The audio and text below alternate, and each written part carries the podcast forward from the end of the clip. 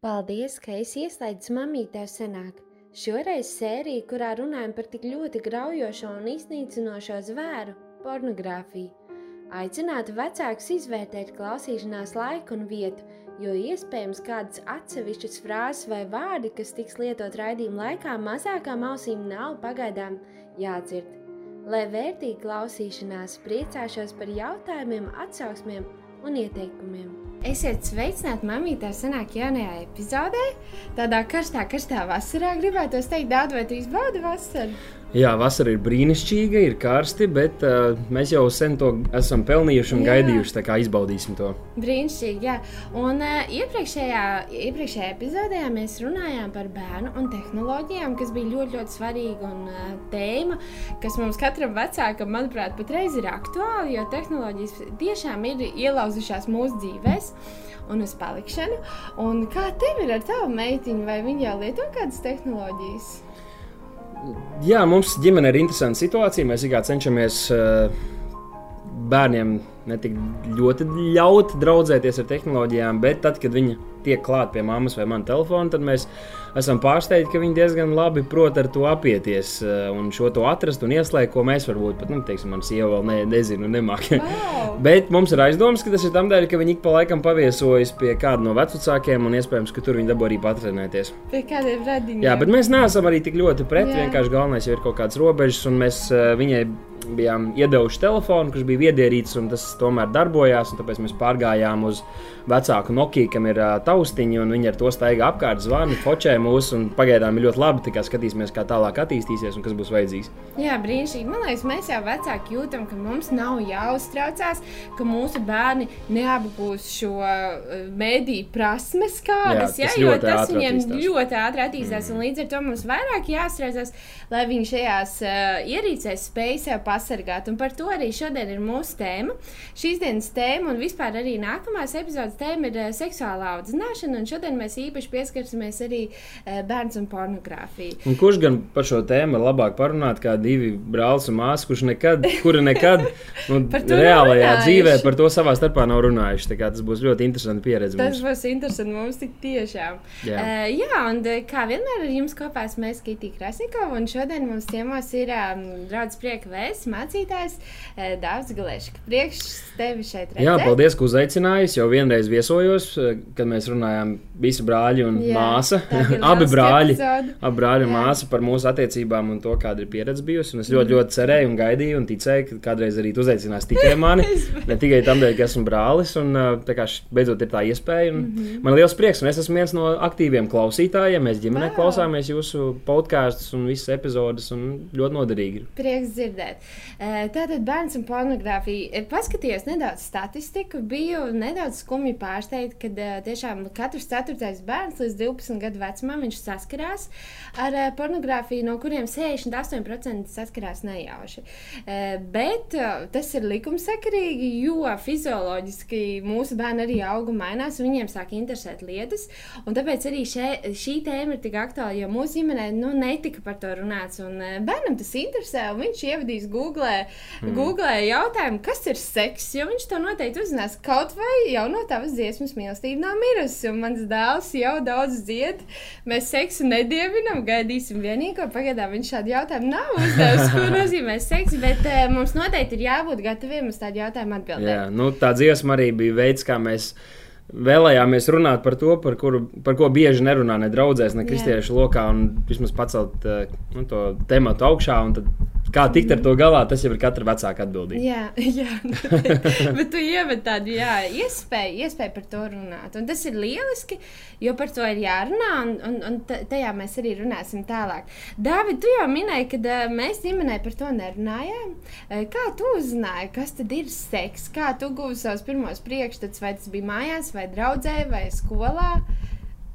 Jā, nu, ja mana atmiņa man neviļ, tiešām ģimenē mums nebija tā pieņemts. Jāsaka, tas ir saistīts ar visu to vidi, no kuras uh, nu, mūsu vecāki, vecāki nāca, gan padomjas laiks, kad vispār par šādām lietām netika runāts. Un, nu, varbūt kaut kur ļoti tādās tumšās vietās tas tika nu, uzskatīts par kaut ko labu un jauku. Uh, arī kristīgajā vidē bija līdzīga situācija, un mūsu vecāki uzauguši tādā vidē. Uh, Tad Jā. tieši ap 90. gadiem, un pirms tam nāk atklāsme par to, ka Dievs dziedina, ka Dievs darbojās, ka Dievs palīdz un svētī, un visas tās lietas, kas iepriekš bija aizvērtas un, un nesaprotams daudziem cilvēkiem. Bet šis bija viens no tādiem aspektiem, kurš vēl bija izpalicis. Jā. Un, tas netika, par to netika runāts ne draudzē, ne, ne, ne ārpus tās. Un arī mūsu ģimenē tāpat. Un tad, nu, es nezinu tieši kā tas tur nonāca, mm -hmm. bet, mhm. protams, ka tā interese ceļās kaut kur jau, kad tu esi mazs puika vai pēc tam pusaudzis, tev pašam parādās kaut kāda jauni, jaunas funkcijas ķermenī, ko tu iepriekš neesi sapratis, sajūtas, emocijas. Un tad tu iekšēji centies ar to kaut kā tikt galā, meklē, interesējies. Tā arī es, ja var tā teikt, uzsāku savu bēdīgo ceļu uz šo pornogrāfijas atkarību, mm. kad es uh, sāku izpētīt, uh, kas ir pieejams Jā. internetā. Tajā laikā datori nesen tikai bija parādījušies, eh, telefoni vēl nebija, bet datori, kur bija pieejami internets, tur varēja kaut ko atrast, meklēt. Uh, nu, bija reizes, kad kaut kāda žurnāla tika nopirkta un, un skatīties, un tad jau tas viss mm -hmm. internets un viss tā pieejamība aizvien progresēja, un aizvien sliktāks, sliktāk tā situācija palika. Tā kā, nu, jāsaka, man tas bija internetu vide, jā, un jā. droši vien arī draugi un kaut kādas sarunas. Mm. Es atceros, ka mēs jau pamatskolā, tepat eh, nu, kristīgā skolā esot, tur spēlējām pudeles ārā aiz stūra, vai turpat, kamēr skolotāji nebija, tur tā, tā kā mīcīšanās spēles bija un tam mm. līdzīgas, kas, kas viss, protams, eh, tev tikai raisa vaļā to iztēli, kā mm. un kas varētu būt. Protams, ka interesi ir, un ja bērnam tas netiek nodrošināts mājās, vai ne šīs atbildes, tad mēs meklējam to kaut kur citur. Un... Jā, un šeit varbūt jāpiebilst, ka uh, tie no jums, ka vecāki, kas domājat, ka jūsu bērni vispār neizjūt Jā. šādu veidu kaut kādus pārbaudījumus, uh, kārdinājumus, ka tā, tas viss viņus neietekmē, un varbūt viņi to tā arī parāda. Varbūt viņi pat iet ļoti jaukā skolā, varbūt pat kristīgā mm. skolā. Nu, Cik es esmu runājis pēc tam citās vidusskolās, kuras mācījos, citās uh, skolās, kur esmu bijis, nu, reti kur bija tāda situācija Jā. un tāda arī netiklība un visādas nu, tādas sliktas lietas, kā šeit, uh, kur, kur es biju viens no tiem. Un es biju klasē augstāk, un es neko no tā neesmu ne piedzīvojis, ne jūtis, ne izjūtis, ne redzējis. Tas Jā, ir ļoti, ļoti interesanti. Laika, laikam mēs bijām īpaši. Jūs bijāt īpaši. Bet vienkārši tas, ka ir jābūt Jā. acīm vaļā, vecākiem jābūt ausīm dzirdīgām mm. un jābūt aktīvai komunikācijai ar bērnu, lai jums, jums ir jābūt lietas kursā par to, kas notiek ar viņu un kas notiek viņa dvēselītē. Jā, tas noteikti ir viss pamatā komunikācija. Dārda pornogrāfija. Kādus gadus atpakaļ man pornogrāfija likās kaut kas viens. Tagad jau es apmēram nojaušu, ko tas nozīmē. Es tālāk arī nemaz negribu nojaust vairāk, bet noteikti, ka pornogrāfija arī kā tāda ir mainījusies. Uh, kā tu, kā tu paskaidrot, kas tas vispār Jā, ir? Un tas man liekas, ka ir tik būtiski, un tāpēc ir forši, ka šajā podkāstā mēs par to runājam. Jo mūsu skatās droši vien vecāki, tur nezinu, 30 gadi uz, uz priekšu, uz, uz augšu, un vecāki. Un... Jā, man podkāsts skatās viss īstenībā liels paldies jums, jo tieši viņi bija aktīvi man prasījuši, kur bija iepriekšējā epizode, kur iztrūka. Jā, un viņi kā, arī jā. ir tie, kas pēc tam var kaut kādas no šīm zināšanām nodot saviem bērniem, Maz kuriem bērni, jau pašiem ir bērni jā. vai mazbērniem. Un tas ir brīnišķīgi. Bet uh, daudziem, kas varbūt uh, savā jaunības dienās, ja tā var tās definēt, ir saskārušies ar pornogrāfiju, tad viņiem, kad viņi dzird šo vārdu, viņiem nu, iespējams ir salīdzinoši vēl saulainas un tādas mm. pozitīvas domas par to, kas pornogrāfija ir. Jo, teiksim, nu, pirms kaut kādiem 20, 30 gadiem visdrīzāk, kad nezinu, kaut kādi pirmie playboy varbūt ka tur bija nezinu, nedaudz at atkailināts vai kaila ķermeņi, vai vienkārši kaut kāda bikīni un kaut kādas procesija, kas ir diezgan nu, simpātiski attēlota. Un tad jāsaprot, ka pa šo laiku cilvēku pulks, kurš to patērē, ir pieaudzis drastiski, pateicoties internetam, un es vēlāk varbūt kādu statistiku arī uzrādīšu. Un tāpat arī tātad pieprasījums. Un, uh, un Cilvēkiem vairs nepietiek ar to, kas bija pašā sākumā. Jo tad, kad iznāca pirmie playboy, visa, visa sabiedrība bija sašutusi Amerikas Savienotās val, valstīs, Eiropā. Visi bija kā, kā kaut kas tāds var būt, jo pirms tam tas bija kaut kas nepieņemams. Mm. Un tagad ar laiku mēs jau redzam, ka mm. tas, kas agrāk bija uz vākiem, kā kaut kas apkaunojošs, tagad ir uz reklāmas standiem un uz piena pakām. Mēs skatāmies, riepas grib pārdot, tur visur būs pliki mm. dibeni, būs plikas sievietes un, un, un tā tālāk. Tā kā, tas viss tiek normalizēts. Un šīs industrijas arī jau, e, jau ilgstoši darbojās pie tā, lai šīs seksuālās un pornogrāfiskā satura materiāls tiktu normalizēts. Pirms kā laika es redzēju, ka arī diezgan prestižām sporta, uh, sporta komandām, kā sponsori, arī bija tādas populārākās pornogrāfiskie, pornogrāfiskie saiti, tad viņi nesā sev uz uz krūtīm, uz šortiem. Man šķiet, ka tas pēc tam tika aizliegts, bet tajā laikā vienkārši iedomājās, kas notiek. Bērns skatās uz sportistu, Jā. kurš ir viņa elks, ka viņš grib līdzināties, viņš arī grib cīnīties to, un viņam uz, uz krūtīm ir uzrakstīta reklāma tam, lai šis bērns nonāktu tur, kur viņam nevajadzētu nonākt. Tātad, jā, šī industrija ir pieņēmusies spēkā, un tie no jums, kas nenojaušat, un es arī sen jau neesmu vairs labās attiecībās ar šo visu, bet vēl tad, kad es to visu skatījos, un nekad, es pat neesmu rakņājies tajās trakākajās, tādā ziņā man bija kaut kāda vismaz dievbijība un kaut kāds saprāts, nestīties tās lietas, mm. bet tu visu kaut vien visstrakāko tu vari iedomāties, ko viens vīrietis vai daudz vīriešu var izdarīt ar vienu sievieti, visādi veidi vardarbība, pazemošana. Uh, spīdzināšana, tas viss tur ir. Un, brīvi pieejams. Un tas ir brīvi pieejams, ir bez maksas, un, protams, ir sācis bez maksas, grib vairāk, un tad jau šī industrija ne tikai pelna. Tā ir viena no, cik es saprotu, tā ir pelnošākā industrija pasaulē. Jā. Mm -hmm. Viņi ne tikai pelna uz reklāmām, bet, protams, pēc tam tu arī kļūsi par cilvēku, kurš to abonē, kurš tu esi gatavs maksāt naudu. Uh, Un, uh, tas maksā ne tikai naudu, tas maksā tavas attiecības, tas Jā. maksā tavu dzīvi, tas maksā tavu iekšējo sirdsmieru, tas maksā tavu sirdsapziņu un tā tālāk. Un par to mēs droši vien vēlāk arī runāsim. Bet tā ir milzīga, briesmīga sēga, kas ir iznīcinājusi daudzus cilvēkus. Mēs esam dzirdējuši arī par vīriem un sievām, par vīriem. Mm. Arī Kirks Franklins pirms kaut kādiem vairākiem gadiem nāca gaismā par to, ka viņš bija ilgstoši bijis laulībā. Un ir kādi, kas domā, ka okay, tas man tā būs tāds prieciņš līdz laulībai, un pēc tam man jau aizies, es būšu ar savu sievu. Bet ir tāda lieta, ka tā realitāte, viņa tev tik ļoti, mm -hmm. virtuālā realitāte, seksuālā realitāte, tik ļoti tev pārņem, ka pēc tam tā realitāte, kas tev var būt ar tavu sievu, tas liekas garlaicīgi, Jā. tas liekas kaut kas tāds pavisam prasts, jo tas, ko tev var sniegt, tas mm -hmm. tev nemaz nekas ar to nevar sacensties. Uh, pornogrāfija ir jaunā narkotika. Mm -hmm. Pornogrāfija ir jaunā narkotika, par kuru tikai. Nu, nu, tādos pēdējos gados ir nākuši pētījumi, un cilvēki aizvien vairāk sāk saprast, ka tas nav tikai kristiešu viedoklis, tas nav tikai tāpēc, ka Dievs saka, un Dievam negribās, lai mēs tā darām, bet tas reāli mums bojā dzīvi, tas bojā attiecības, un tas daudz ko citu sabojā. Un tāpēc mums ir jāpiesaka karstam, un mums ir jābūt tiem, kas mēs sakām, nē, nē, nē, nē. ne mūsu ģimenēs, ne manā mm. dzīvē, ne ar maniem draugiem. Mēs sakām, nē, jo mums rūp savas, mm. savas dzīves. Jā, uh, es domāju, ka nu, mums visiem ir skaidrs, ka tas ir viens milzīgs, milzīgs pretīgs vēlmu bizness.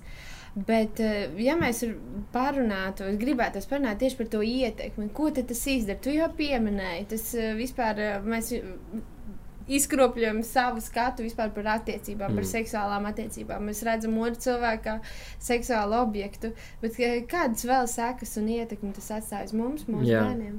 Tā ietekme ir, ir uh, liela.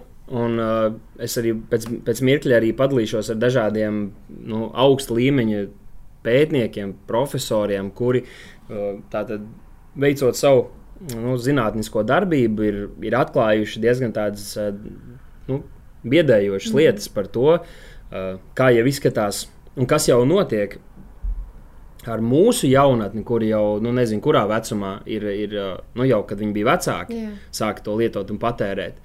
Bet kāda izskatīsies šīs nākamās paudzes, kas ne tikai sēž un spēlē nu, datorspēles vai telefonos, sēž tikai sociālo tīklu vidē, tad tā kļūst par real, lielāku realitāti par viņu pašu realitāti. Bet viņi arī jau uzaug no mazām dienām. Ir statistikas, kas rāda, ka ir jau ir daudzi, kas jau ap 3, ap 4, ap 5 gadu vecumu pirmo reizi redz vai saskarās ar kādu pornogrāfisku materiālu. Uh, tās vidējās statistikas vispār tur ir, ka kaut kāda 80, 70% jau 12 gadu vecumā līdz 14 gadu vecumam tur jau, jau vismaz ir bijusi pirmā pieredze. Jā, jo nevajag jau daudz vecāks vakarā jā. skatās kādu neforšu filmu, un bērns ejot uz Arī, to vienkārši redz, un viss tas paliek viņa prātā. Vai? Jā, un tas, kad Tas darbojās līdzīgi kā narkotika, jo, kad to vienreiz esi redzējis, tu vairs to nevari iztīrīt, tu vairs to nevari aizmirst. Jā. Tas tev ved tālāk, tev mostas interesi, kas arī savā ziņā ir dabīgi, bet no otras puses tas tev velk vienkārši iekšā. Tā kā ir tas teiciens, iedod vēl no mazo pirkstiņu, mm -hmm. viņš tev mhm. paņems visu roku, paņems visu tevi.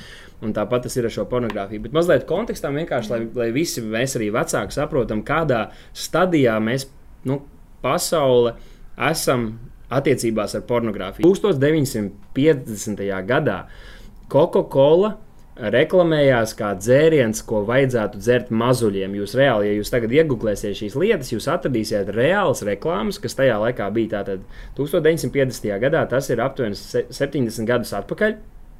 Coca-Cola sev reklamēja kā dzērienu mazuļiem, jo tādi mazie daudz kustās, viņiem vajadzīga enerģija un tā tālāk.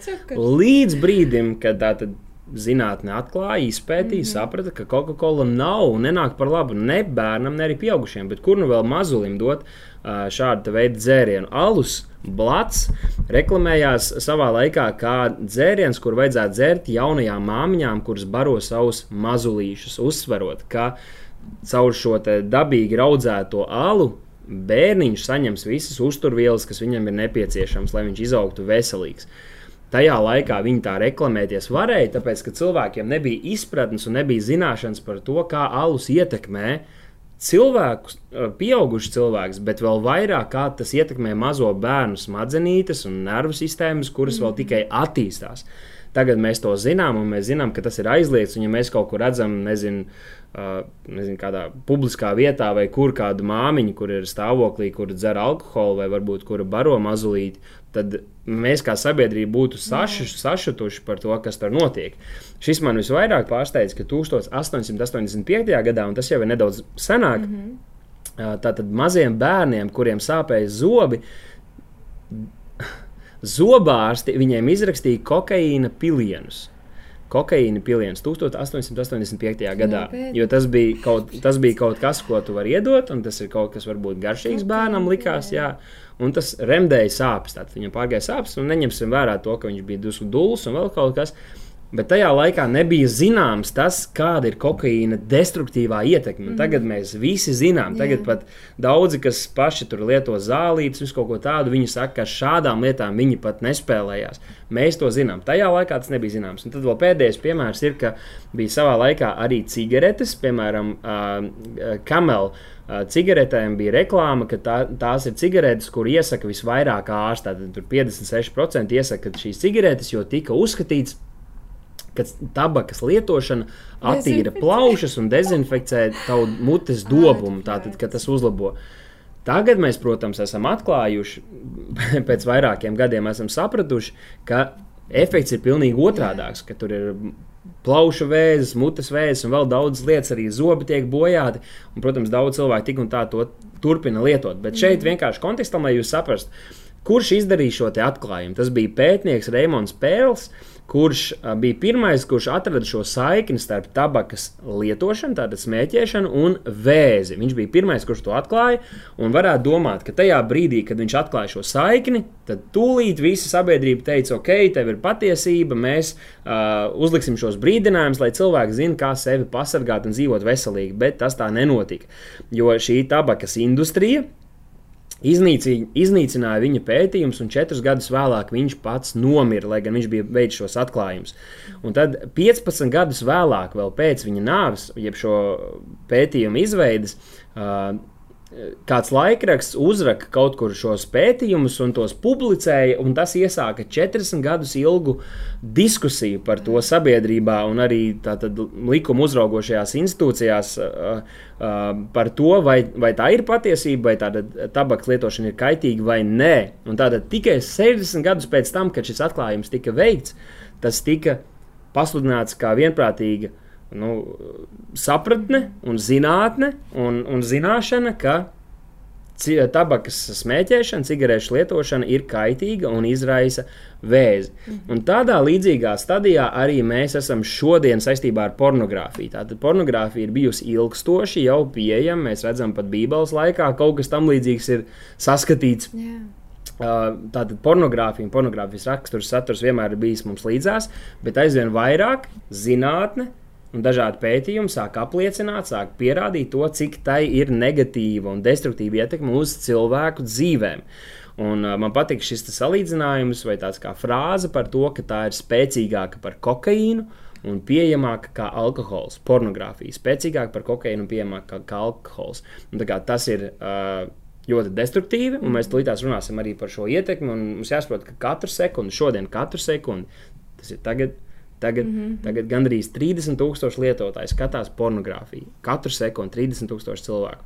Un lielākā skatītāja grupa ir vecumā no 12 līdz 17 gadiem. Un tas nozīmē, ka, ja jums ir mazi bērni, šī industrija centīsies aizsniegt jūsu bērnus, lai viņi būtu šajā grupā, kas patērē viņu resursus, kas viņus padara aizvien bagātākus, kas viņiem palīdz aizvien vairāk nopelnīt un kas sačakarē viņu pašu dzīves. Un tāpēc mums ir jābūt gudriem vecākiem un arī katram bērnam, kas skatās, jaunietim, kas skatās, ir jābūt gudram. Uh, pret to laiku, kurā mēs dzīvojam, un Jā. pašam pret sevi. Tu gribi pasargāt savu sirdi, savu dvēseli, jo tu negribi vienkārši pārdoties šai, šai, Jā. šim, šim tukšumam. Tas ir tik ļoti, ļoti nopietni un ļoti, ļoti svarīgi. Un, un ko arī saka tādi cilvēki, kas um, ikdienā strādā ar šīm programmām, nu, kas aizsargā, aizsargā datorus, lai bērni ne, ne, nepiekļūtu tādām um, mm. informācijām, kas viņiem nav jāredz. Viņi saka, ka vislielākā vecāka kļūda ir uh, vienkārši nesakot līdzi un neuzinstalēt šādas programmas, un vienkārši iedot brīvi kādu viedierīci un ļaut par to vienkārši shiftēties. Ja? Un es domāju, pēc tam, kad bērns to ir redzējis, tā ietekme ir īstenībā vienkārši briesmīga. Ja? Jo tu jau pieskāries, ko vispār atnes pornogrāfija, ar ko viņi var salīdzināt, bet tā reāli tagad, kāda ir tā ietekme uz smadzenēm, uz veselību noteikti. Jā. Mums noteikti par to ir arī jārunā. Un, uh, es esmu gan pats daudz ko piedzīvojis saistībā ar šo, šo tēmu, bet tāpat arī ir kāda organizācija, kuras nosaukums ir Fight the New Drug, tātad cīnīties pret jauno narkotiku. Un tā ir organizācija, kur ir eh, izcēlusies Amerikā. Mm -hmm. un, uh, tie ir kristieši, bet uh, tas nav viņu galvenais motīvs, jo viņi balstās uz šo te, ko zinātnē saka, ko pētījumi apliecina. Un tā ir vesela kustība Amerikas Savienotajās Jā. valstīs, kuri Viņi braukā pa skolām, viņi stāsta par šīm lietām, viņi stāsta šīs lietas, lai jaunieši varētu izdarīt atbildīgus secinājumus un atbildīgas izvēles, saprotot, kas ir kas. Tātad, jo bieži šī informācija tiek noklusēta. Mm. Un viņi brauc apkārt, viņi māca šīs lietas, viņi stāsta šīs lietas, un viņiem arī viss šīs lietas, kuras es arī nosaukšu, dažādas punkti, kā tas viss mūs ietekmē, ir balstās dažādos pētījumos un, un tādos zinātniskos darbos, uz kuriem atsaucas arī var atrast viņu mājaslapā. Tā kā ja kādam interesē, noteikti apmeklēt apmeklējiet fighthenewdrug.com. Un tātad šeit uh, ir trijās daļās to visu var ietekmēt. Pirmkārt, pornogrāfija ietekmē mūsu smadzenes. Otrakārt, mūsu sirdi, un treškārt, arī mūsu pasauli, pasauli mums apkārt. Tātad, kā tad ietekmē mūsu smadzenes? Un šeit Cambridge's doktori, un to es laipni lūgtu, jebkurā brīdī arī ielikt iekšā un kaut ko mm -hmm. piekomentēt. Cambridge's doktori atklāja, ka pornogrāfijas atkarīgajiem uh, smadzenēs ir līdzīgs process, kas atspoguļo, nu, līdzīgs process kā tiem, kas lieto narkotikas. Tātad, Tad, kad cilvēki patērē narkotikas, tas nav vienkārši kaut kas, kas nonāk cilvēku ķermenī, bet tas arī saistīts ar visādām ķīmijām, kas eh, notiek cilvēku smadzenēs. Eh, kaut kāds disbalans, kaut kas tiek pastiprināts, kaut kas ir par daudz. Tad ir atklāti pētījumi, kas liecina, ka tad, kad cilvēks lieto pornogrāfiju, tad notiek līdzīga līdzīga iedarbība uz cilvēku smadzenēm. Tāpat zinātnē pierāda, ka pat neliela pornogrāfijas lietošana samazina pelēko vielu smadzenēs, tātad šo pelēko vielu daudzumu. Un, lai gan kāds varbūt var pasmieties, ka pat tāpat mēs lietojam varbūt tikai kādus 5% no savām smadzenēm, tas, nu, tas resurs ir daudz lielāks, un tāpēc iespējams, ka mēs tik ļoti to nejūtam. Uh, bet tas ir tas, ko šeit arī uh, pētījumi apliecina. Ja nemaldos, tad viņi bija paņēmuši divas cilvēku grupas. Un vienai, vienai cilvēku grupai bija ikdienas jāskatās diezgan daudz pornogrāfijas satura, un otrai, otri, otri kā, turpināja dzīvot tīri. Tad viņi redzēja tās pārmaiņas, kas notika viņu smadzenēs tieši šo pelēko vielu daudzumā. Uh, viņi saka, jo vairāk cilvēks patērē pornogrāfiju, jo, jo vairāk šī jo vairāk saraujās šī pelēkā viela smadzenēs, kas atbildīga par kognitīvo domāšanu, par inteligenci un lēmumu pieņemšanu. Um, tad vēl viens veids, kā pornogrāfija ietekmē mūsu smadzenes, ir tas, ka šī ir tā pieaugušā nu, uzvedība vai uzvedības stils. Mm -hmm. Šeit Vendija Zelcer, kas ir juristas, uh, jurista no Jēlas, viņa skaidroja, ka pornogrāfijas lietotāji uzķeras uz āķi un tad viņi gribēs vairāk un vairāk.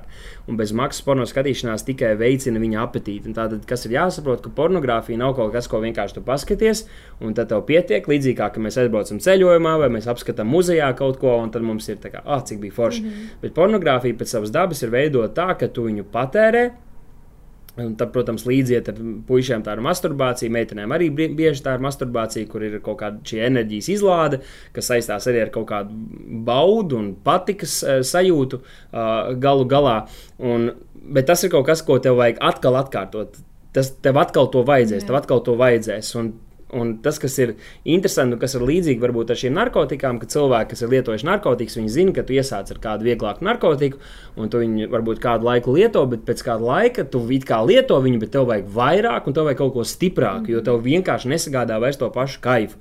Un tāpat tas ir arī ar pornogrāfiju. Tu iesāc ar kaut ko vieglu, tu redz kaut kādas bildītas, tu redz kaut, kādu, kaut kādas eh, darbības, bet tad jau tas vairs tevi tā neuzbudina, tad jau pēc brīža tas vairs tevi tā neiedvesmo un nesagādā tev tādu baudu, tev vajag redzēt kaut ko vairāk. Un tad jau cilvēki aiziet pavisam tādās slimās, uh, slimos virzienos, un tas sabojā viņu dzīves. Uh, tad jau, kā jau teicu, tad, kad šis process tiek darīts, tad mūsu cilvēku smadzenēs, kur ir tāds kā apbalvojuma centrs, angļu valodā reward center, uh, tiek izdalīts dopamīns, bet tiek izdalīts dopamīns, kas ļoti, ļoti lielos apmēros. Un, uh, šis apbalvojuma centrs mūsu smadzenēs ir izveidots tā, lai tad, kad mēs darām kaut ko pareizi, kad mēs darām kaut ko labu, lai mēs gribētu to darīt vēlreiz. Piemēram, es izdaru kaut ko labu skolā, iegūstu kaut kādus panākumus, un tad, kad es to esmu izdarījis, varbūt klasbiedri pasmējās, vai nu, kādam kaut kas nepatīk, bet man pašam ir gandrījuma sajūta, jo man tagad smadzenēs izdalās šis dopamīns, un vēl varbūt kāds cits ķimikālijas, kas man liek justies, wow, es to izdarīju,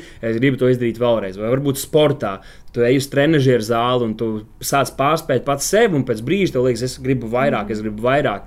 Un tas ir šis apbalvojuma centrs tavā smadzenēs, kas darbojās. Bet, kad tu lieto pornogrāfiju, tad Tā kā angļu valodā ir tas uh, hijacked, tā kā tu tiec, tā, tā šis tavs smadzeņu centrs tiek uzlauzts, kāds no malas mākslīgi tajā sāk iedarboties tā, ka pēc brīža visas tās lietas, kas ir reālajā dzīvē, kurām tev dabīgi vajadzētu sagādāt prieku, tās vairs tevi neuzrunā. Un pirms kāda laika man bija saruna ar vienu puisi jaunu, un viņš man eh, saka, Paklau, Dārvid, ir tāda lieta, ka es nejūtu emocijas. Es esmu kaut kādos pasākumos, esmu kopā ar draugiem. Ir, ir foršas lietas, kas notiek, bet es pilnībā nejūtu emocijas. Un uh, bija interesanti, ka es kā, runāju ar viņu, es lūdzu, un es domāju, kas tas ir. Mēs centāmies kā, rakties, rakties.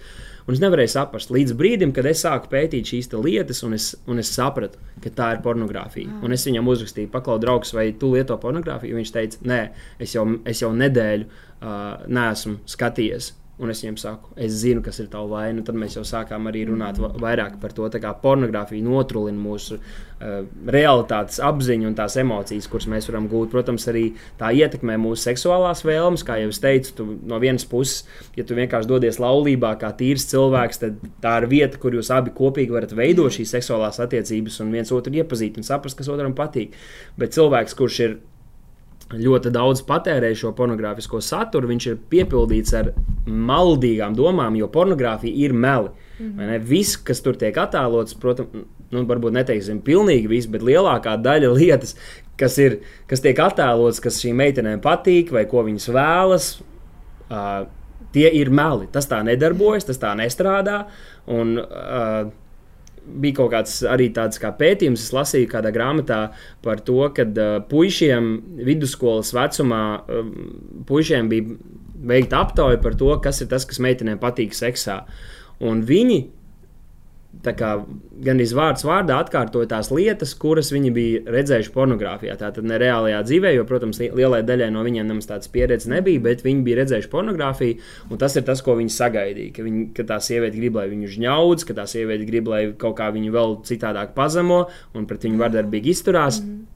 Un tas tikai parādīja to, kādi ir teiksim, iespējams kādas mm. paudzes, kādi puiši, un ar kādu izpratni viņi dodas attiecībās, un ar kādām gaidām, un ko viņi saprot, kas meitenēm ir nepieciešams. Un tāpēc varbūt no vienas puses var nebrīnīties, ka daļā sabiedrības un jauniešu daļā ir, ir pazudusi tāda lieta kā džentlmeniskums, cieņa, savst, mm. gan savstarpēji cieņa, bet arī pret, pret meitenēm. Ja paskatāmies populāru mūzikas klipus, uh, Uh, arī jau latvieši tagad cenšas to pašu darīt, ja, kur sievietes principā tikai krata savus pēcpuses un vēl kaut ko. Un, un tad tie paši cilvēki pēc tam grib cīnīties kā feministi par sieviešu mm. tiesībām tā tālāk, bet viņi dara pilnīgi pretēji. Un vairāk jau bērnus uzrunā un jaunieši uzrunā tas, ko jūs darat, nevis tikai tas, ko jūs sakat un ko jūs sludinājat.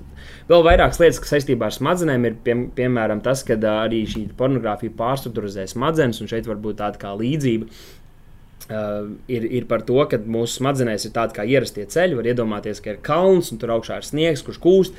Tādēļ rodas kāda upe, kas tek lejā no šī kalna pa, kādām, nu, pa tādiem kā maziem grāvīšiem, kas veido šo upes ceļu.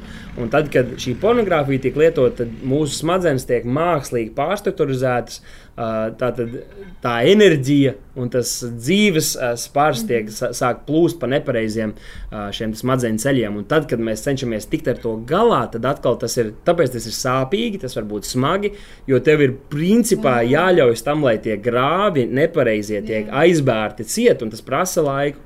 Un atkal izveidojas jauni šie grāvīši, pa kuriem atkal te, uh, tas viss var plūst. Un tad vēl viens, ko es iemetīju šeit, runājot par smadzenēm. Es jūtos kā kādā Harvardas lekcijā. par, par, par smadzenēm, tad arī interesanti tādi pētījumi liecina par seksuālās disfunkcijas rādītājiem, un šis man īstenībā šokēja. Un tas arī parāda to, pornogrāfijas, kā pornogrāfijas pieejamība ietekmēja jaunu vīriešu seksuālo veselību. Mm -hmm. Un šeit tātad nu, seksuālās disfunkcijas problēmas ir libido traucējumi, kas ir seksuālas tieksmes zudums, tātad vispār nav interesi par seksuālām attiecībām, erekcijas traucējumi, tātad traucēta dzimuma lodzekļa erekcija, ejakulācijas traucējumi, priekšlaicīga ejakulācija, orgasmu traucējumi, tā ir anorgasmija un viss kaut kādi vēl citi arī ir. Un es neesmu, protams, zinošākais tajā jā, bet vismaz lai mums ir tas konteksts par to visu. Jā. Un tātad 1992. gadā tas ir tieši laiks, kad uh, nu, Playboy žurnāli jau, teiksim, Amerikas Savienotās valstīs jau bija diezgan populāri, bet internets tikai sāk ieskrieties. Tātad tas ir pats pats sākums. Tātad pornogrāfija vēl nav tik pieejama, un lai tu patērētu pornogrāfiju, tev bija jābūt, jāiet uz kādu apkaunojošu vietu, uz kaut kādu kiosku, un tur paslēpts žurnāls, tev jānopērk. Tāpēc nu, lielākā daļa vīriešu droši vien to negribēja darīt, sevi cienoši vīrieši. Un tad 92. gadā 5%, tikai 5% no vīriešiem vecumā no 18 līdz 59 gadiem izjūt šos, šīs seksuālās disfunkcijas problēmas. Tad mēs pārējām jau uz 2012. gadu. 2012. gadā tad ir pagājuši 20 gadi, internets ir ieskrējies, un tur pieejamā pornogrāfija uh, ir sasniegusi vīriešu. Vīrieši visās malās, nu ne visi, bet ļoti daudzi to patērē aktīvi. Uh, jo tajā brīdī viņi domā, ka tā ir forša jauna iespēja, ko, ko mūsdienas laiks mums piedāvā. Tātad tagad jau statistika ir 30% no vīriešiem vecumā nevis līdz 59 gadiem, bet no 18 līdz 25 gadiem. 30% vīrieši jau ir šīs seksuālās disfunkcijas problēmas. Bet 2014. gadā jau tie ir 53,5% vīrieši, 53,5% un paklausies vecumā no 16 līdz 21 gadam. Šiem puišiem jau ir šādas seksuālās disfunkcijas problēmas, kuras ļoti tiešā veidā mēs varam saistīt ar to, ka viņi ir aktīvi lietojuši un patērējuši pornogrāfiskas satura materiālus. Pornogrāfija īstenībā ir tāds milzīgs, milzīgs ierocis vēlnam, kur šādi ģimenes uh, iznīcina mūsu vīriešus, vai ne? Ka viņi nespēja vairs veidot. Sievietēm arī tāda. Jā, noteikti sievietēm arī, bet mēs Jā. vairs nespējam veidot veselīgas attiecības, vai ne? Tas jau viss iet līdzās. Vienkārši Wow, un es domāju, arī par to ietekmi runājot, svarīgi ir, es zinu, ka arī daudz eh, mazu bērnu mammas klausās. Ir svarīgi mums apzināties, ka nav tāds vecuma posms, desmit gados es viņam pastāstīšu, es viņam pateikšu. Mm. Jo arī kādā pētījumā ir teikts, ka bieži vien mūsu bērni uzzina par, par seksu, par pornogrāfiju, aizbraucot ciemos, kur mēs viņus aizsūtām kaut kur palikt par nakti, par ko mums tiešām arī jābūt ļoti uzmanīgiem. Mm. Jo vairums šādu gadījumu tieši ar maziem bērniem notiek, kad mēs aizsūtām viņus ciemos pie kāda bērna bērniņu, kuram ir lielais brālis un, un vai, vai kāds brālēns vēl ciemos, un tur viņš iepazīstās ar šādu veidu informāciju. Tāpēc mums diezgan īstenībā eh, diezgan jau ātri jāsāk runāt ar saviem bērniem. Protams, tad, kad mēs jūtam, un tam arī pieskarsies mm. beigās. Eh, bet es gribēju vēl, eh, jā, ir tāds, ir tāds jautājums no vienas mammas, ko viņa man arī iesūtīja diezgan, diezgan bēdīgi izmisusi un ar lielu vainas sajūtu šajā Covid-19 laikā, karantīnas laikā, kad bērniem skolas bija atceltas, darbi darbi viņiem turpinājās. Viņai bērniņš ir pusauģa vecumā dēls. Viņa saka, viņi aizbraukuši uz, uz darbu un atbraucot mājās. Dēls ir tā godīgi tiešām arī pateicis, ka mammu es, es redzēju, es redzēju pornogrāfiju un man gribētu skatīties vēl. Mm. Viņa saka, kā lai es palīdzu, kā, kā man viņam palīdzēt? Jā, es neesmu bijis tādā vietā, uh, bet es esmu teiksim, tā, kad es uh, uzzināju, ka uh, man būs meitiņa, mm -hmm. tagad jau meitiņas. es sapratu, ka uh, iespējams, ka es būtu jūties diezgan kvalificēts uh, audzināt, audzināt dēlu, dēlu bet uh, meitām es īstenībā nebiju gatavs. Un tāpēc es uh, sāku arī meklēt kaut kādus speciālus, arī kristīgus uh, speciālus, kuri darbojās ar bērniem, varētu, no kuriem es varētu mācīties, teiksim, ko un kā darīt. Un, uh, Viena no tādām ir uh, doktora Mega Mīkere. Uh, ja jums interesē, arī ļoti labi viņa ir gan podkāsts, gan grāmatas, ļoti, ļoti vērtīgas gan par dēlu, meitu audzināšanu un tā tālāk. Uh, un, Un tas, cik es saprotu, šādā situācijā, ko vajadzētu darīt, ka noteikti nevajadzētu būt nosodījumam, mm -hmm. nevajadzētu censties apkaunot šo bērnu. Jo īpaši tad, ja viņš ir atvērts un viņš to ir pateicis, yeah. tam vajadzētu būt, tev vajadzētu būt kā šai miera oāzei, kur viņš var tiešām to pateikt un to arī viņu mīlēt un palīdzēt viņam pašam nonākt vietā un saprast, kāpēc tas ir slikti, kāpēc tas ir nepareizi, kāpēc tas viņu ietekmē negatīvi. Un tad arī būt tam uh, nu, resursam, kurš viņam dod kaut kādus uh, ieročus, kā tikt ar to galā un kā to pārvarēt. Un tā kā noteikti mēs nenosodām, bet mēs gribam palīdzēt bērnam pirmkārt pašam saprast, kāpēc tas ir slikti. Daudz no šīm lietām, par kurām es runāju, šī organizācija arī tieši ar to nodarbojas. Viņi iet un māca bērniem, un arī mēs esam ar dāvu kopā braukājuši pa vairākām Latvijas skolām un cenšies klasēs par to runāt. Un, jāsaka, godīgi, ka nevienmēr ne pasniedzēji, ne arī kādi no bērniem ir priecīgi, ka mēs par to runājam, jo tas ir ļoti atšķirīgi no tā valdošā uzskata par, par visu to. Bet tātad izglītot šo bērnu, kopīgi pastudējiet, ir dažādi resursi. Mums draudzē ir buklets, saucās, kad acis klejo, uh, kur, kur to var vienkārši arī saprast. Un es vēlāk runāšu arī par ietekmi ne tikai uz mūsu, uh, ne tikai uz mūsu pašu smadzenēm, bet arī uz sirdi. Tātad, uh, kā tas ietekmē mūsu dvēseles, kā tas ietekmē mūsu attiecības, tāpat kā tas ietekmē mūsu pasauli. Tātad pasauli mums apkārt. Un, Mēs zinām, ka ne visi, protams, ir arī profesionāls nu, pornogrāfijas zvaigznes un, un, un, un cilvēki, kas tajā industrijā darbojās, jo tas ir viegls veids, kā nopelnīt. Bet, uh, Pastarpinātā veidā tas arī ietekmē cilvēku tirzniecību. Ir bērni, kas tiek nolaupīti, lai viņi, viņus pārdotu vīriešiem, kur grib realizēt savas seksuālās fantāzijas, uh, bez, uh, nu, bez attiecībām, bez, bez kaut kādas uh, saistībām, uh, bez, bez visa kā. Vienkārši grib to visu izdarīt, un tāpat arī ir daudzi. Uh, cilvēki, kas ir bijuši iesaistīti šajās pornogrāfijas, pornogrāfijas izstrādēs, kas ir bijuši saucamās zvaigznes, kuras nāk klajā tagad, kad viņas ir tikušas ārā no tā, un viņas liecina par Jā. to, ka viņas bijuši, bijuši nolaupītas, viņas ir piespiestas pret savu gribu, viņas ir sazāļotas, lai viņas varētu šos daudzos etapus izturēt, jo tas vienkārši nav cilvēkam izturams, kad, kas tur viss notiek. Un, un viņas par to liecina, kad ir bijušas reizes, kad viņām bija ierocis pie galvas Uh, un viņām ir teikts, ja, ja tu nesmaidīsi un ja tu netālos līdzi, tad tava dzīve ir beigusies. Mm. Un tad, kad tu ieraugi šīs industrijas, yeah. to tumšo pusi, kad tu ieraugi, ka tas nav nekas skaists ne priekš tevis paša, ne arī tie cilvēki, kas tur ir ļoti iespējams, ka tie ir upuri un tev skatoties un patērējot to, tu visu to atbalsti. Un tas var būt veids, kā tu vari tur nonākt. Bet no otras puses, protams, mums ir jāsaprot, ka kamēr mūsu bērni aug mūsu namos, mēs esam atbildīgi. Yeah. Mēs esam tie, kas nosakām robežas. Mēs esam tie, kas nosakām, kas notiks, ko jūs skatīsieties, cik ilgi skatīsieties. Tas, ka viņš aug 21. gadsimtā, nenozīmē, ka viņam jābūt pilna laika internetam pieejamam. Nenozīmē, ka viņam jābūt visām iespējamām aplikācijām. Tas pats Instagram, Facebook, viņš ir tikai no 15 vai pat cik tur 13, 16 gadiem. Viņi drīkst sākt lietot. Bet daudz no jūsu bērniem jau ir tur. Lai gan tas ir pretlikumīgi. To, tam tā nevajadzētu būt. Pastieties paši savos Instagramos, pastieties jauniešu Instagramos. Ja tu kādreiz seko kādiem no influenceriem, tad ar laiku, tad, kad uzspied uz šo palielinājumu stikliņu, kas ir meklētājs Instagramā, tur ļoti daudz tieši šādas bildes, atkalināti rakstura bildes, kuras varbūt pašas par sevi mēs neuzskatītu par pornogrāfisku saturu, bet kuras pavisam noteikti ieintriģēs tavu aci, ieintriģēs tev gribēt uzzināt vairāk, un tas tev var aizvest pie visiem citiem. Nemaz nerunājot par, ne, par nejaušajām reklāmām. Īpaši, kad ja, ja bērni spēlē kaut kādas interneta datorspēles vai pat, nu, uh, nu, pat datorspēles, kas ir datorā. Arī tur visur ir visādi veidi šīs reklāmas, kur pat kādreiz nejauši uzklikšķinot, Jā. vai pat neuzklikšķinot, vai uz e-pasta var atnākt. Jā. Tā kā mums ir jābūt tiem, kas mēs pasargājam. Protams, mēs zinām, ka ir dažādi veidi arī vecāku uzraudzības programmas, gan Androidos, gan iPhone, bet, ja jūs gribēsiet pasargāt savus bērnus, jūs atradīsiet mm. veidus, kā to izdarīt. Un, uh, man šķiet, ka Kristīna arī jau par to runāja, uh, ar, ar, uh, kas jūs bijāt kopā, un, un, un vēl par to noteikti ir jārunā. Mm -hmm. uh, tad varbūt ļoti īsti es pieskaršos vēl dažiem punktiem, un tad droši vien, ka mēs vēl, mm -hmm. uh, es nezinu, kur tā saruna vēl, vēl aizies, bet fakts, ka šis ir temats, par kuru vajadzētu runāt. Jā, šis tāds sanāk, ka mēs šoreiz tādu kā fundamentu uzliekam, vienkārši tā mēs saprotam aptuveni, par kādu šo zvēru ir runa. Mm -hmm. Tad otrkārt arī pornogrāfija ietekmē mūsu sirdis, mūsu pašu sirdis, un tiesam mēs mūsu būtību.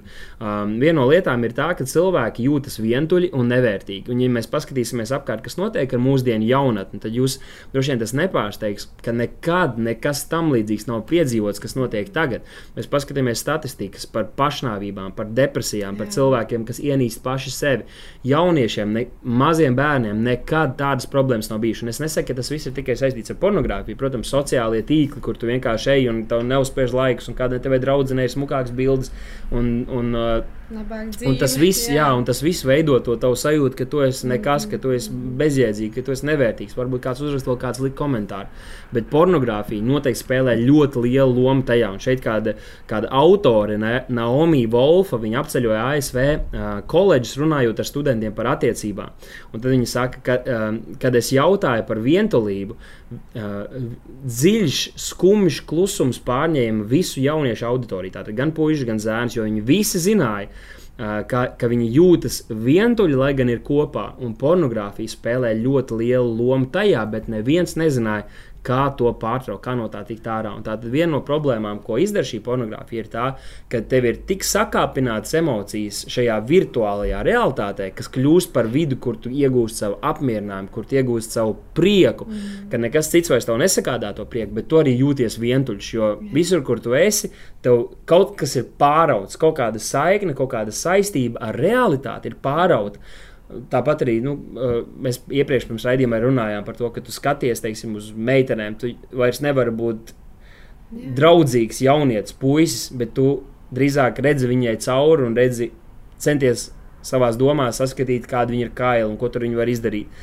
Un tādēļ teiksim, tāda lieta kā izvarošanas arī nav nekas neparasts. Īpaši tusiņos, kur jaunieši ir sadzērušies, saliet, salietojušies kaut ko.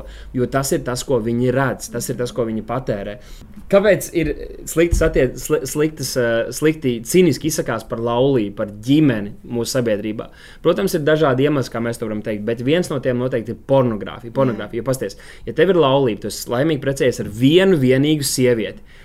Ja tu kaut ko salēji dēlī vairāk kārt, jums jau ir sliktas attiecības, tad tu gribi mīlēties ar savu sievu, bet sliktas attiecības, pirmkārt, jums kaut kas jāsakārto. Mm. Otrkārt, ja pat tu tur beigās kaut ko gribi ielausties, varbūt tev, un tev nesanāk viņu apmierināt, viņa nav laimīga, tu redzi to, tu pats vīlies sevi. Uh, vēl kaut kādas citas lietas, kas tur var turpināties. No otras puses, to aizēji, ieslēdz filmu, tur ir laimīga meitene, tev vienmēr izdodas, tu vienmēr triumfē, bez nekādām saistībām. Tu vari katru dienu vai ik pa stundai mainīt citu, pastīties vēl tādu, vēl tādu, vēl tādu. Un tā kā, uh, nu, Mm. Te ir, nav īsti jautājums, kāpēc yeah. šī pornogrāfija ietekmē un kāpēc šāds skats, negatīvs skats uz laulību un tā tālāk ir. Ok, vēl īsi par, par dažām sirds lietām, un tad to arī tālāk. es vienkārši aizrunājos. Yeah. Uh, tad, protams, arī cieši uh, patērētāja partneris. Tātad, ja tu esi laulībā vai tu vienkārši draudzies ar cilvēkiem, tas parādīsies attiecībās. Uh, tas jau ir, to jau mēs pieminējām. Tāpat cieši arī šī patērētāja seksuālā dzīve. Tas arī tik īsi jau pie, pieskārāmies tam. Tātad, tu pirmkārt nevari gūt baudu, iespējams iespējams, ka tas būs cilvēks, kurš pēc tam, esot seksuālās attiecībās ar savu sievu vai savu draugu, viņš vienkārši nespēs pabeigt būt līdz galam, tāpēc ka vienkārši tas, tas arī viens, ko es dzirdēju, kāda ārsta teica. Uh, tas ir viens no puišiem, ko es puišiem arī kādreiz saku. Tad, kad tu skaties pornogrāfiju un tu masturbē ar savu roku, tu to dari uh, diezgan enerģiski.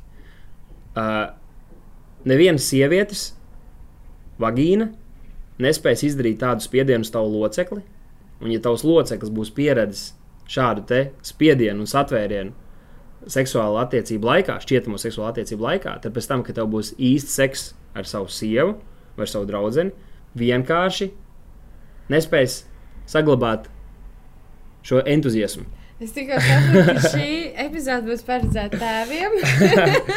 šī nav tēviem. Nē, nē, nav tēviem, bet eh, noteikti nav arī klausām kopā ar bērniem. nu, tu vari kaut kādu uzlikt pīpīpī. Nē, nē, viss kārtībā, tas viss ir, eh, jā. Jā, nu. Mm -hmm. Tas ir tā. Un tad tas trešais ir, ka pornogrāfija ietekmē pasauli. Pornogrāfija ietekmē Jā. pasauli. Un tam es jau drusku pieskāros. Pornogrāfijas kaitīgums ir mainījies. Eh, Kā jau teicu, 90. gados tas bija kaut kas pavisam jauns, un tas bija kaut kas pavisam eh, neiedomājams, un pavisam kaut kas tāds eh, vienkāršs un tāpat laikā jau nepieņemams tajā laikā sabiedrībai.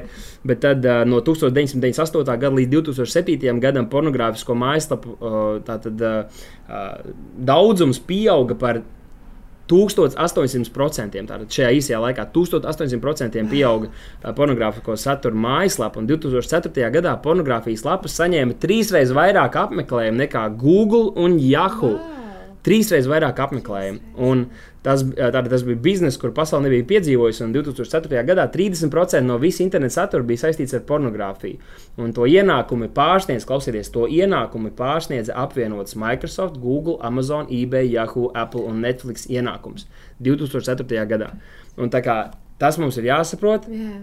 ka tas ir bizness, tas ir milzīgas industrijas, kuras paverdzina vi- sievietes, kuras izmanto mūsu nu, lētecīgo sabiedrību, Mm -hmm. kas it kā domā, ka mēs esam tagad kingi, jo mēs varam skatīties un darīt visu, ko mēs vēlamies, bet patiesībā viņi slauc mūs. Un mums nevajadzētu būt tiem, kas mēs to darām, un īpaši tiem, kas mēs esam dievu bērni. Tāpat pornogrāfija veicina seksa tirzniecību, kā jau es teicu, pornogrāfija noved līdz vardarbībai, attiecībās. Un tas viss ir, ā, tas viss ir meli. Paldies, ir tāds milzīgs tiešām priekšstats tagad, ar, ar kas ir tas zvērs, ar ko mums ir jācīnās, ka, no kā mums ir jāsargā savas mājas, savas bērnu acis. Mm. Par mazākiem bērniem man likās tā diezgan svarīgi, svarīgi saprast, ka jā, tā ietekme arī var būt tāds nu, milzīgi trauksmes sajūta viņā, mm. ka viņš ir pārņemts ar domām par to, ko viņš redz. Dažreiz tu vari redzēt, ka viņš spēlēsies ar lēlēm, tā, izdodot tādas skaņas, un tad noteikti tas ir tāds trauksmes signāls tev, mm. kā mammai, rīkoties, darīt. Un man bija milzīgs prieks eh, arī nedaudz, nedaudz ieskatījos, eh, kā cīnīties ar pornogrāfiju. Man bija tāds prieks redzēt, ka tieši, ja mēs runājam par pusauģiem un bērniem, tad efektīvi, efektīvākais ierocis ir tieši komunikācija ar vecākiem. Mm. Un, manuprāt, tas arī ir tas, kas eh, kā man, kā meitai, arī tas iztrūka tā komunikācija ar vecākiem tieši par, par seksuālo, tā teikt, var teikt, audzināšanu. Un es par to uzzināju, kamēr mammai bija lūkšanas. eh, Mēs bijām kādā klasītē ar, ar dažiem draugiem, un tur bija uh, vienai meitenei līdz viņas lielā māsa, viena puisim līdz viņas lielā māsa, kur mm. tad mums uz tāfeles visi smuki rakstīja. Un es domāju, ja man būtu savs iespējas, es zinātu, ka es, te, es to neklausīšos, es to informāciju neklausīšos, un es tādu informāciju arī neskatītos. Mm. Jo, tāpēc es, es domāju, ir svarīgi arī saprast, un es gribu uzdot tev arī nākamo jautājumu. Vai? un Bet tā- es gribēju iemest to par Jā, saki. tā kā kristiešu bērniem iespējams, ka uh, tā pirmā sastapšanās. Vai viena no pirmajām var Jā. arī būt, vai ne caur augsto dziesmu. O, jā, Tāpat Bībelē ir vairākas rakstīts, piemēram, viņš iegāja atzina, vai arī Jā. Ester, To es pat uh, vai citi Bībeles varoņi, kas tur apgulā zem sagas, vai ne, un kur Jā, jau jā, ir kaut kāda māja. Bet augstajā dziesmā ir pavisam skaidri. Mēs arī Jā. pamatskolā, kad, kad bērni bijām, tad mēs gribējām kaitināt skolotājus, un kad mums bija svētbrīži, tad mēs vienmēr tieši gribējām augsto dziesmu Jā. lasīt, un tad visi ķiķinājām. izteiksmīgi mēs lasījām. Jā, viss ķiķinājumi, bet zini, būtu svarīgi, ka mūsu, teiksim, arī kristīgās ģimenēs, kad kaut vai šī augstā dziesma arī nebūtu tā kā tabū Tabū, tēma. jā, Jo jā. bērniem ir jāzina, ka tēvs mīl mammu, Jā. un uh, ka tāda mīlestība ir, un tas ir kaut kas skaists, un tas nav kaut kas, par ko mēs kaunamies, bet tas ir kaut kas pavisam personīgs. Mm -hmm. Un tāpēc arī augstā dziesma, un ja bērn, bērniem nu šajā veidā, vai kādā citā veidā viņi kaut kur uzzina, kaut ko padzird, ka tam būtu jābūt kaut kam, par ko mēs esam gatavi runāt, un mēs pat vēlamies runāt. Jo Kam gan mēs uzticēsim viņiem pastāstīt par to, kas ir mīlestība, par to, kas ir pieskārieni, par to, kas ir, Jā. kas ir uh, arī seksuālas attiecības. Vai mēs gribam, lai tu par to pastāstītu kādu skolotāju, kurus mēs nepazīstam, vai viņu klases biedri, vai, vai tā ir pornogrāfija. Starp citu, pamatskolniekiem jau starpbrīžos ir vai nu viņi skat, vai nu spēlē datorspēles, un tagad, protams, bija Kendam, vai, vai telefona spēles, vai arī skatās pornogrāfiju skaļi starpbrīžos. Tas ir vairākās skolās tā dzirdēts. Tātad, kas būs tas, kas jūsu bērniem par to pastāstīs? Jums ir jābūt tiem, kas veido šīs attiecības, un vienkārši kontekstā varbūt pirms tu ķeries pie liktenīgā jautājuma, vienkārši likās, ka šie daži stāsti varētu mazliet pat, parādīt, varbūt, kāpēc ir būtiski. Jo mēs nevaram šodien iedot visas atbildes, bet kāpēc ir būtiski mums būt gataviem un gribošiem runāt, un arī pašiem izglītoties un būt gataviem paskaidrot un, un, un, un nu, pa parādīt šīs lietas, kuras bērniem ir jāsaprot īst, īstajā laikā un, un, un, un, un brīdī. Uh, tad viens tāds stāsts ir par. Uh, par kādu futbolistu. Uh, es redzēju viņu tādu kā interviju, un viņš ir tāds milzīgs, tāds uh, milzīgs miesas būvs vīrs, kurš liekas, nu, viņš varētu kalnus gāzt. Uh, noteikti ir nogāzis desmitiem citu vīru sportā, ļoti spēcīgs. Un, uh, viņš uh, šajā arī video stāstīja par to, ka tad, kad viņš bija mazs zēns, ka viņš bija gājis kopā ar savu vecstāvu pa parku, un tur blakus miskastē uz zemes bija nomests uh, šāds te Playboy žurnāls, kur viņš pirmo reizi ieraudzīja sievieti nu, tā mazliet er erotiskā veidā un kailu. Un, un tad, tagad, esot pieaugušs vīrietis, viņš ir cīnījies arī ar pornogrāfiju savas dzīves laikā, un viņš saka, es nevaru aizmirst to attēlu. Vienkārši par to, ka arī tāds viens mm. mirklis, te, teiksim, filmas, ko mēs izvēlamies skatīties, un tā kā liekas, kopumā jau nekas, bet vienā brīdī kaut kas yeah. tāds parādās. Vai nu kaut kas biedējošs, vai nu kaut kas atkailināts. Un, tas var iespiesties bērnu, bērnu šajā psihē, un pēc tam nu, novest kaut kādās grūtās vietās, vai ievest tādā kā cīņā. Uh, Tāpat šis stāsts man vispār ļoti aizskārts. Tas bija vienā grāmatā tieši par, par šo meitu audzināšanu. Tad šī doktora rakstīja, ka bija kāda meitiņa, kur auga ļoti mīlošā ģimenē, bija tētis un mamma. Ļoti, ļoti jauki. Un tad vienā brīdī šīs meitas, jaunās meitas, uzvedība un attieksme pret viņas tēvu sāka mainīties. Viņa kļuva neiecietīgāka, viņa sāka vairāk dusmoties un kā, kaut kādas ļaunas reakcijas pret viņu. Un sākumā neviens nevarēja saprast īsti, kas tur notiek, jo tēvs arī ļoti mīlošs un labs. Un tad mātei, protams, ar laiku, kad tas tā turpinās, un tu nevari to izskaidrot, sāk rasties aizdomas, ka varbūt tas vīrs kaut kā iespaido viņu vardarbīgi, kad viņi nav klāt vai, vai kaut kas tamlīdzīgs. Bet tad viņi izlēma meklēt palīdzību pie nu, speciālistiem. Un tad speciālistiem sarunājoties ar šo, šo mazo meitenīti, noskaidrojās, ka viņi kaut kad bija nejauši redzējusi kādus fragmentus no tāda diezgan jau brutāla, nu, pornogrāfiska materiāla. Tātad, kur kādai sievietei viens vai vairāk vīrieši diezgan nu, varmācīgi kaut ko dara. Mm. Un šai mazai meitenītei viņas dvēselītē tas ierakstījās tā, ka tā viņas tētis dara viņas mammai.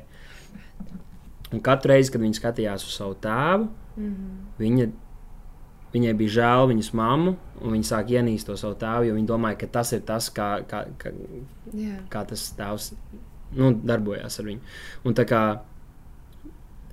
ir, ir, ir ļoti jāgādā un jārūpējas par to, ar ko mūsu bērni saskarās. Tas ir gan mūsu pašu mājās, tas ir mūsu ierīcēs, viņu ierīcēs, vai kad viņi ir ar draugiem. Mm -hmm. Jo šāda veida lietām pat Bībelē ir teikts, ne, ka nevajag pirms laika atmodināt šo iekāri un, un, ši, un šīs seksuālās ziņas sevī.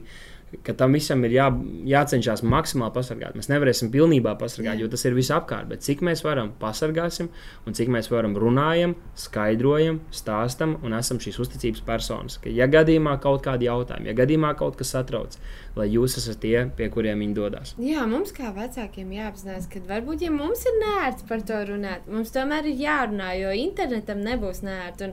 Es ievadīju interesi pēc uh, vārdu seks uh, Google, Mā. un es biju pārsteigta, ka tur nebija Latvijas uh, izglītības ministrijas kādi labi materiāli vai draudz prieka vēst materiāli, īsta mīlestība gaida, seks pēc laulības. Nē, tur bija seks trietākā, seks bez mīlestības, seks ar rotaļlietas un tā tālāk tālāk. Tev bija jāiet ar ziepēm tas... mazgāt acis? Nē, es neko neatvēru tālāk. Man vienkārši interesē, ko pir, pirmie, ko viņš atvērs. Un tas ir tas, ko atver mūsu bērni. Uh, tā, stop. Kā tev liekas, mums jātaisa divas sērijas, jo ir 55 minūtes. Tev vēl ir viena tēva, tēva un vēl veseli, tā veselīgā kārta. Okay. Um, Jā, um, ir brīnišķīgi, ka uh, studijā šodien esi tu šeit, jau tētis. Un es ne tikai tāpēc, ka tev ir, tev ir brīnišķīgs divas mēdīs, bet arī tāpēc, ka es zinu, ka tu esi ļoti pētījis. To mēs visi jau redzam un dzirdam šo, šo jomu, un tev ir ko teikt. Un man interesē tieši tēva loma, tēva loma arī šāda veida audzināšanā. Es domāju, ka mums kā meitām tas arī daudz nozīmē, kā mūsu teicis pret mums izturās. Mm. Tāpēc es domāju, varbūt tu vari pieskarties tēvs var izdarīt labu tieši Jā. runājot par.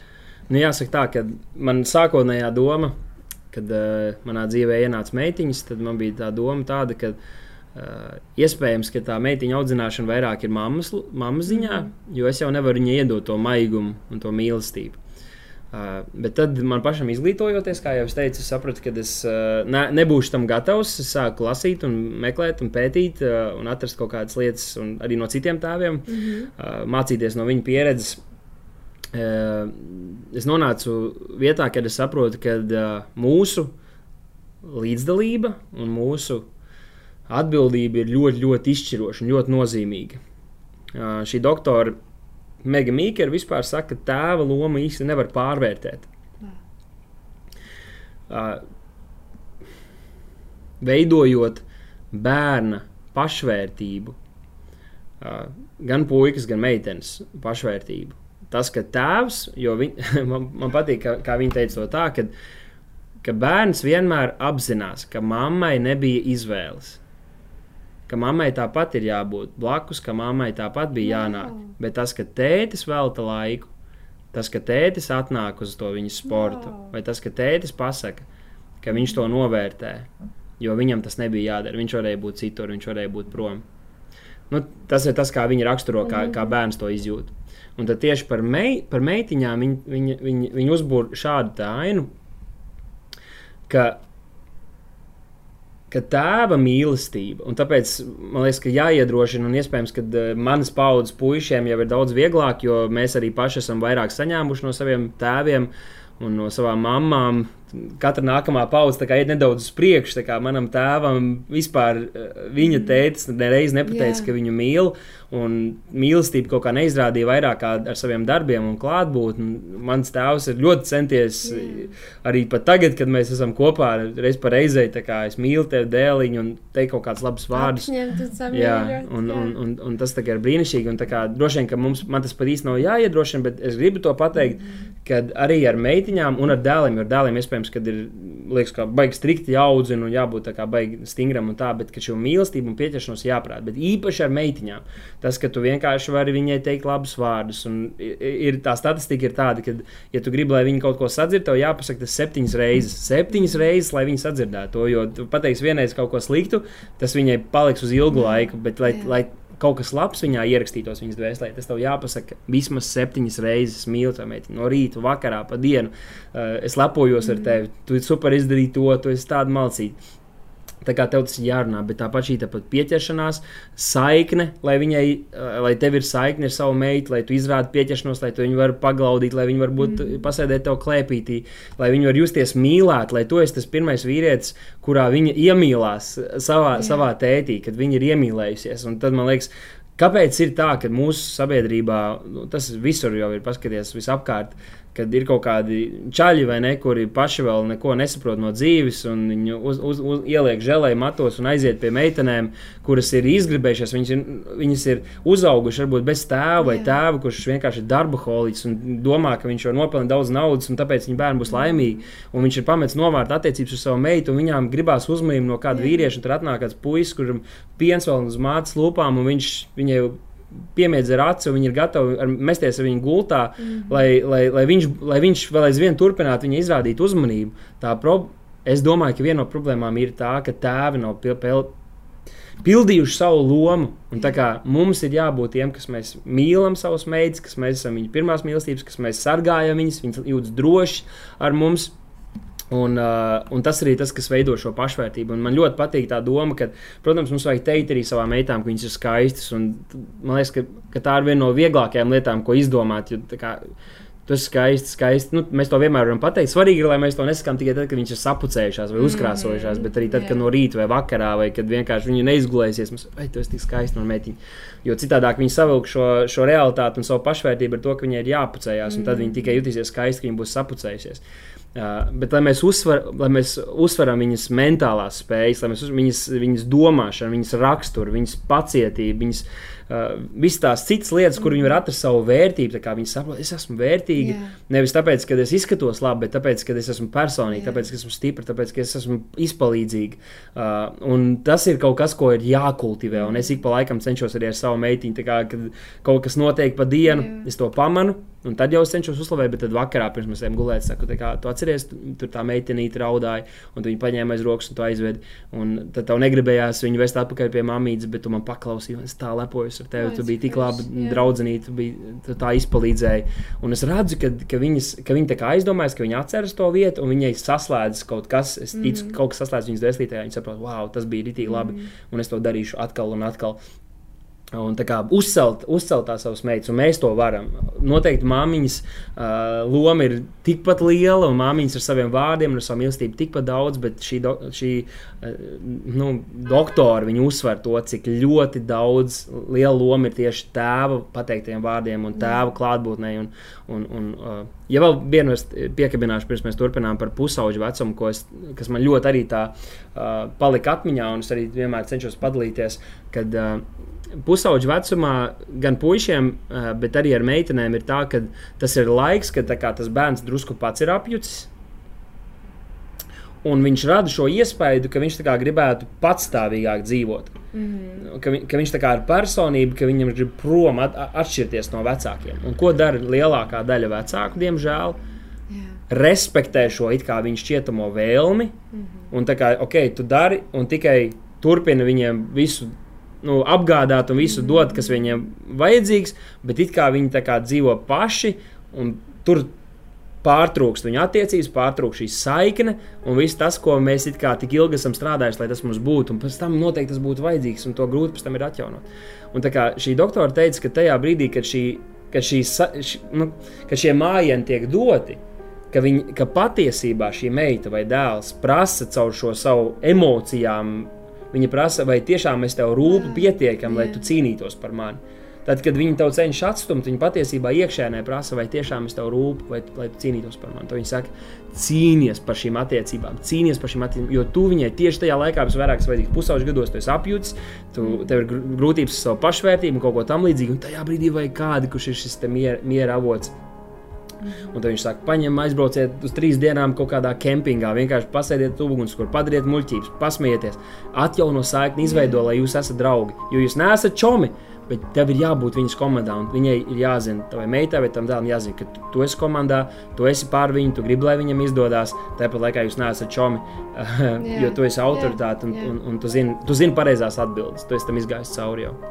Paldies, daudz, tik daudz informācijas, un es zinu, mēs jau aizskatrā runājam par to, kas tev vēl ir, un es gribu noteikti arī, lai tu izstāsti to, un tas noteikti būs nākamās epizodes sākumā, kur daudz ir ļoti, ļoti forši izanalizējis, eh, laikam no arī kādiem materiāliem par eh, veselīgu seksuālu audzināšanu bērnu vecuma posmiem, un tas jau jūs sagaidat nākamajā epizodē, un tad jau tiekamies nākamreiz, bet atceramies, ka pats pats svarīgākais, ko mēs varam dot saviem bērniem, daudz ir kas? Ir attiecības, Jā. un tas, ka mēs esam gatavi, griboši sarunāties. Ne tikai sarunāties, bet arī klausīties. Tas ir ļoti būtiski. Kad mēs uzdodam jautājumus, paklusēsim un ļausim atbildēt. Līdzīgi kā vīrie, vīriem ir jāļauj sievām runāt, kas ļoti mums ir grūti, bet tāpat arī bērniem. tu esi tik pilns ar informāciju. Tiešām paldies tev. Te ir jau tik daudz ko apdomāt un saņemt. Paldies! Atā!